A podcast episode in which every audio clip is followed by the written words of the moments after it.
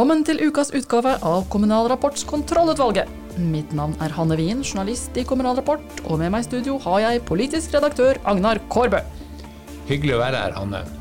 Det er litt over et halvt år igjen til kommune- og fylkestingsvalget, og spenninga stiger. I dag skal vi snakke med valganalytiker Svein Tore Martinsen, som følger utviklinga fram mot kommunevalget tett.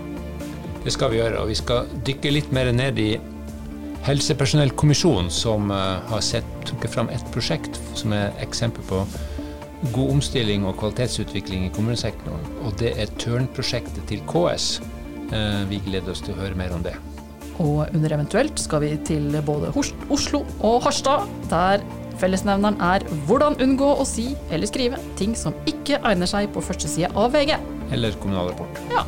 Er dagsorden godkjent? Ja, den er godkjent, og møtet er faktisk satt.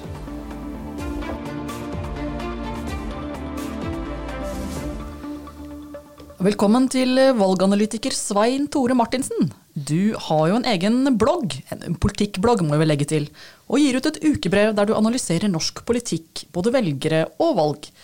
Ut fra det du nå ser, hvordan ser det store bildet ut nå, et halvt år før kommunevalget? Ja, Hovedbildet, eller nasjonale tendensene, da, det er jo sånn da at regjeringspartiene, Arbeiderpartiet og Senterpartiet sliter kraftig. Eh, og ligger an til å gjøre det vesentlig dårligere enn valget for eh, fire år siden. Eh, men også MDG og KrF ligger på et lavere nivå nå enn det de gjorde for, for fire år siden. Da. Mens både Høyre, Fremskrittspartiet, Venstre, SV og Rødt ligger alle på et høyere nivå per i dag enn i 2019. Så akkurat ståa per februar er, er sånn at nasjonaltendensene trekker imot regjeringspartiene og trekker for opposisjonen. Hvor mange, og det er dette som interesserer oss i Kommunal Rapport, hvor mange ordførere kommer regjeringspartiene til å, å tape, slik situasjonen ser ut nå? Jeg har sett på de 40 største da, i innbyggertall. Uh, og der er det jo sånn da at Hvis vi går tilbake til 2019, så, så sitter jo Arbeiderpartiet særlig med mye ordførermakt rundt omkring. De sitter med 27 av 40 ordførere i de største kommunene. Eh, mine beregninger som utgangspunkt i nasjonale data, men også lokale målinger og valghistorikk, tyder på at de kommer til å miste 15 av disse og bli sittende igjen med 12 etter høstens uh, valg. Uh, mens uh, Høyre, som kun per i dag har 7 av 40 ordførere i de største kommunene, kan komme til å få over 20. Jeg har de på et par og 20 ordførere. Altså triple ordførermakten sin i storkommunene. Så det er ganske dramatiske maktforskyvninger som kan eh, bli reelt hvis dagens opinionsbilde holder seg hele veien inn til eh, valget. Da blir spørsmålet hvor sikre kan vi være på de tallene du legger til grunn? Det er alltid usikkerhet knytta til uh, sånne type beregninger. og Det er bygd på dagens uh, situasjon. Det kan skje store velgerbevegelser på sju måneder, som da gjenstår inn mot uh, valget. Men akkurat per i dag så må de rød-grønne satse på å kanskje begrense valgnederlaget. Og komme da i mål med et resultat som er liksom litt mer anstendig enn det ser ut akkurat nå. Så at det vil bli forskyvninger, det er jeg rimelig sikker på. Men spørsmålet er hvor store de kommer til å bli når vi kommer fram til valgdagen. Du, hva skal til for at disse regjeringspartiene skal da kunne løfte seg? Har de helt tatt noe du reelt håp om det? Ikke akkurat slik i øyeblikket. Det er mer eller mindre bekmørkt, slik jeg vurderer det. Eh, men det er klart, muligheten deres først og fremst er å hente de som har satt seg på gjerdet. Eh, det er en god del eh, som stemte på Arbeiderpartiet og Senterpartiet for halvannet år siden, av stortingsvalget, da, som sitter på gjerdet. Klarer de å mobilisere en del av disse, så vil det se noe bedre ut. Så Det er liksom jobb nummer én for regjeringspartiet. Det er å forsøke å få til det. og klart, Da er det Eh, ting som man må gjøre i forhold til politikk, men også når det gjelder håndtering og kommunikasjon, som åpenbart kan gjøres bedre enn det man har klart eh, til nå. Vanligvis så gjør jo Arbeiderpartiet det bedre riks, i riksvalgen på, i lokalvalgene, men nå ser vi jo nå at det er en tendens til det motsatte. Eh, hvordan forklarer du dette, og er det noe som vil holde seg? Ja, det er som du sier. Altså, Arbeiderpartiet gjør ofte eh, svakere kommunevalg enn stortingsvalg. Eh, eh, og det ser ut som de kanskje scorer litt høyere nå på kommunebarometerne enn på stortingsbarometerne. Jeg, så Min hypotese der er at antageligvis er misnøyen med den nasjonale styringen nå uh, ekstra stor. Uh, og at de lokale kommer liksom litt bedre ut. Da. Altså at du kan synes at regjeringen er ganske håpløs, men jeg syns at de, som styrer lokalt, gjør det ganske bra. Men da har jo partiet, det gjelder jo også Senterpartiet, en utfordring når de skal drive valgkamp. Skal det være en nasjonal valgkamp, eller skal de overlate til de lokale å utkjempe, disse, utkjempe valgkampen? Men det er klart, man håper nok på at det skal være et samspill der. Og velgere legger jo vekt på begge ting. Da. Noen legger mest vekt på det nasjonale også ved lokalvalg, mens andre legger mer vekt på det lokale og lokale saker, lokale kandidater um, osv. Så, så det er ofte en kombinasjon av de to faktorene som uh, avgjør valgutfallet i de enkelte kommunene. Du har jo hatt nesten nede i veldig mange valganalyser for uh, foregående valg. og det vi jeg mener å huske der, det at hvis man er litt for tidlig i form, så, så kan man få det kan ta, straffe seg når det nærmer seg den intense valgkampen i august-september. Er Høyre kommet for tidlig i form?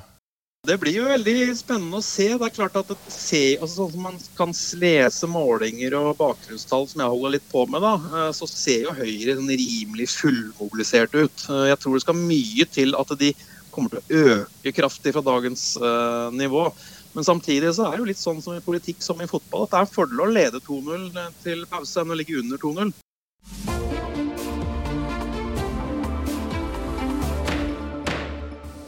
Hvordan kan vi organisere kommunale omsorgstjenester bedre? Det er et stort spørsmål. Men likevel så må vi jo prøve å finne noen svar. Og et sted der de gjør nettopp det, det er i Tørn, som altså er et prosjekt i regi av KS. Og Prosjektet er trukket fram av Helsepersonellkommisjonen. Kommisjonen som jo kom forleden, vil nemlig sette i gang det den kaller et systematisk og forpliktende kvalitetsutviklingsprogram. Og hold dere fast, Dette programmet skal fremme bedre organisering av arbeidsprosesser og riktig oppgavedeling i helse- og omsorgstjenestene over hele landet, inkludert spesialisthelsetjenesten. Og Så foreslår kommisjonen at programmet blir en utvidelse av Tørn-prosjektet. Og det er et prosjekt som kommisjonen altså karakteriserer som hva jeg nå siterer sannsynligvis det mest strukturerte prosjektet i Norge som fremmer riktig oppgavedeling. Sitat slutt. Dette her, det må vi rett og slett snakke mer om.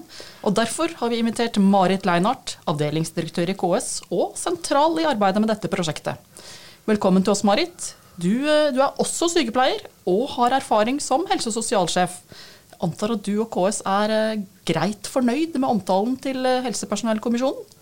Ja, det er klart at eh, det er flott for oss som har jobba med dette i tre år nå. Å få den anerkjennelsen og at prosjektet blir sett på den måten, det er klart at det er veldig bra. Det er vi fornøyd med. Klarer du å forklare hva dette Tørn-prosjektet er, i én setning? Eller to korte? Tørn-prosjektet det er jo et prosjekt KS driver på oppdrag for Helsedirektoratet. Så vi får eh, budsjettmidler over statsbudsjettet for hvert år eh, gjennom det som kalles Kompetanseløft 2020, som er knytta mot helse- og omsorgstjenestene i, kommunene.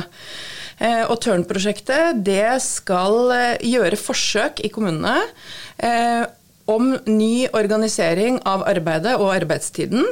Vi jobber med oppgavedeling, med heltidskultur og med kompetanse. Det er 66 kommuner med prosjektet, hvis vi har forstått uh, tallet rett og klarer å regne. Hva har dere oppnådd så langt? Det er riktig som du sier, det er 66 kommuner med prosjektet. Vi har uh, ulike forsøk, eller piloter som vi kaller det. da, uh, Sånn at det kommer stadig nye kommuner til. Mandatet til Tørn er veldig vidt, da. Men det gir oss også veldig handlingsrom til å, til å utvikle ulike piloter. Um, og det er klart, det er på oppgavedeling og organisering av arbeidstiden vi først og fremst har jobba mest så langt. Eh, vi har fått til mye. Eh, vi begynte med kunnskapsinnhenting under pandemien. Det var jo pandemi når eh, prosjektet kom. Vi samla inn forskning, og vi gjorde også intervjuer med 30 utvalgte kommuner, så vi hadde det som bakgrunn. Vi er veldig opptatt av at arbeidet vi gjør i Tørn skal være forsknings- og kunnskapsbasert. Det skal ikke tuftes på synsing. Sånn at på oppgavedeling så har vi fått gjort eh, eh, mange forsøk, og eh, på organisering av arbeidstiden. Eh, begge deler sammen. Og det er klart, det er veldig spennende med Tørn, det at eh, vi ser at eh, når vi jobber på noen områder, så får det effekt på andre områder. Som f.eks. sykefravær. Og kommunene er Sier de at dette funker, det virker, vi får til fremgang, effekter? Eh, ja, eh, men vi har jo altså Tørn-prosjektet har vært i KS i tre år, men vi har bare jobba i kommunen i ett og et halvt år. Eh, og det som er med dette arbeidet, det er at eh, det er ressurskrevende, og det tar tid. Eh, og kommunene må på en måte både forplikte seg og, og, gå inn i det med det som bakgrunn at dette er, det krever ressurser og det krever tid. Eh, og det krever at kommunene gjør en ordentlig kartlegging før de begynner å jobbe ordentlig og få resultatene. De kommunene som hopper litt sånn fort rett på løsningene, de lykkes ikke så godt som de som jobber grundig. Eh, og jeg tenker Det også gjenspeiler kanskje litt eh, forslaget fra Helsepersonellkommisjonen. Et, program over ti år med 300 millioner i året, altså 3 milliarder på ti år. Det sier noe om at dette tar tid, og det krever ressurser. For Det du sier om å bruke litt tid innledningsvis, det handler da om å skape en felles forståelse av hva som er problemet, og hva som kan være mulige løsninger? Det gjør det, fordi f.eks. For oppgavedeling, da, da, skal man jo eh, jobbe fram, altså medarbeiderne eh, på en avdeling eller på et område skal jobbe fram hvordan de gjør ny oppgavedeling med den kompetansen de til enhver tid har tilgjengelig. Og den vil jo være litt forskjellig. Eh, og eksempel, eh, ja, Det er jo fristende å si det, da. Leif Moland, forsker i Fafo, han har jo sagt det at eh, det er kanskje første gang han har sett, i hvert fall på lenge, at man får til ordentlig medarbeiderdrevet innovasjon. Er det mulig å trekke fram noen suksessfaktorer for å lykkes bedre med oppgavedeling? Organisering og, og ja, brukeropplevelser? Det er vel mange. altså jeg tenker at Her er det masse potensial, og det er lavthengende frukter. Og, og, mm, jeg tror både de ulike faggruppene og lederne og tjenesteområdene og kommunene ser dette selv. Det har vært en tradisjon i bransjen for ikke å dele oppgaver ut ifra kompetanse. I verste fall litt sånn alle gjør alt. ikke sant? Det skal være likt for alle, uavhengig. Og, og da driver man med kompetansesløseri, kaller jeg det suksesskriteriene er bl.a. det jeg sa i stad.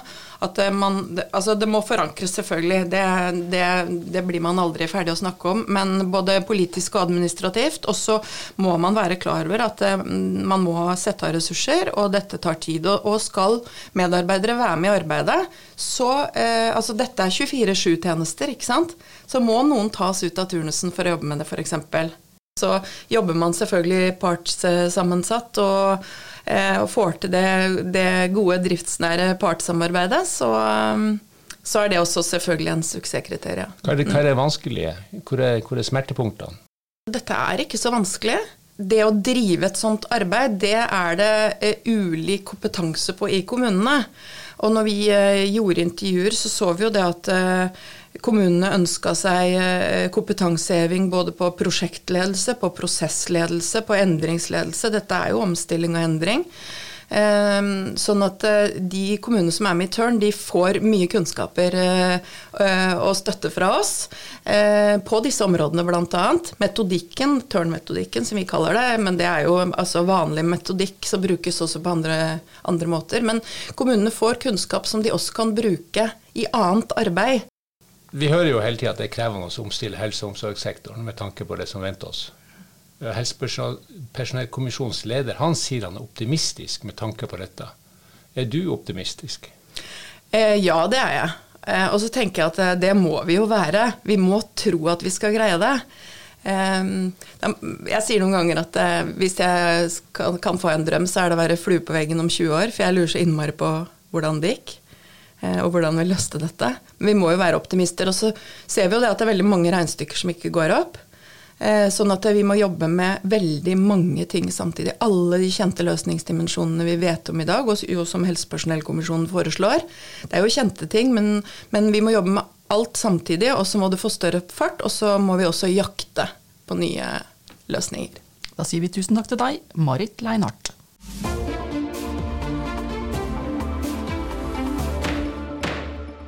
Ok, Hanne, hva har vi til eh, eventuelt? Du, nå skal vi nok en gang snakke om politikernes språkbruk. For at uh, i din hjemby Harstad, der går det jo så vilt for seg at uh, til og med svenske tabloidaviser de skriver om saken. Det handler altså om hva varaordfører Espen Ludvigsen skrev til FrPs Christian Eilertsen i en lukka gruppe på Snapchat.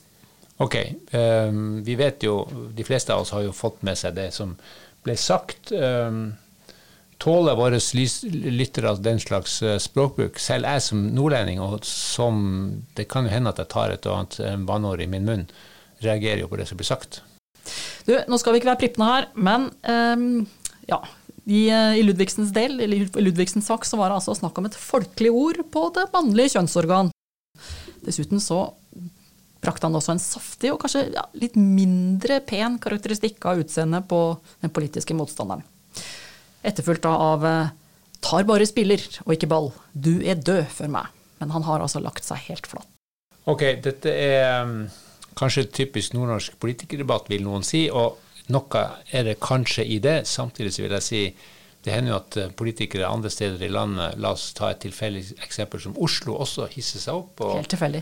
Ja, helt tilfeldig valgt. Men der, hva var det som skjedde før helga, da Robert Steen gikk av som eh, byråd, sannsynligvis nokså ufrivillig? Da skrev eh, Folkets Partis Cecilie Lyngby at skal vi se, Pga. Robert Steens feighet flytter vi nå mistilliten mot han som har ansvaret for alt i Oslo kommune, skrev hun. Og Steen svarte da, kok forbanna vil jeg tro, eh, i en SMS, du er et forferdelig menneske. Han angra seg og beklaga etter at det var sent. Det er jo litt forskjellig ordvalg de har brukt, disse her to, men altså, i bunn og grunn så er jo innholdet her mye av det samme. Spørsmålet er jo er det noe vi kan lære av dette? Ja, det er noe vi kan lære, og følg godt med. Det første er det gode gamle ikke skriv en melding og send den i affekt hvis du er forbanna på en politisk motstander eller opphissa over en sak. Vent litt, sitt på hendene. Vi forstår at eh, politikere blir provosert og såra, men vi må passe oss så vi ikke trumpifiserer det offentlige ordskiftet med at vi bruker sånne karakteristikker.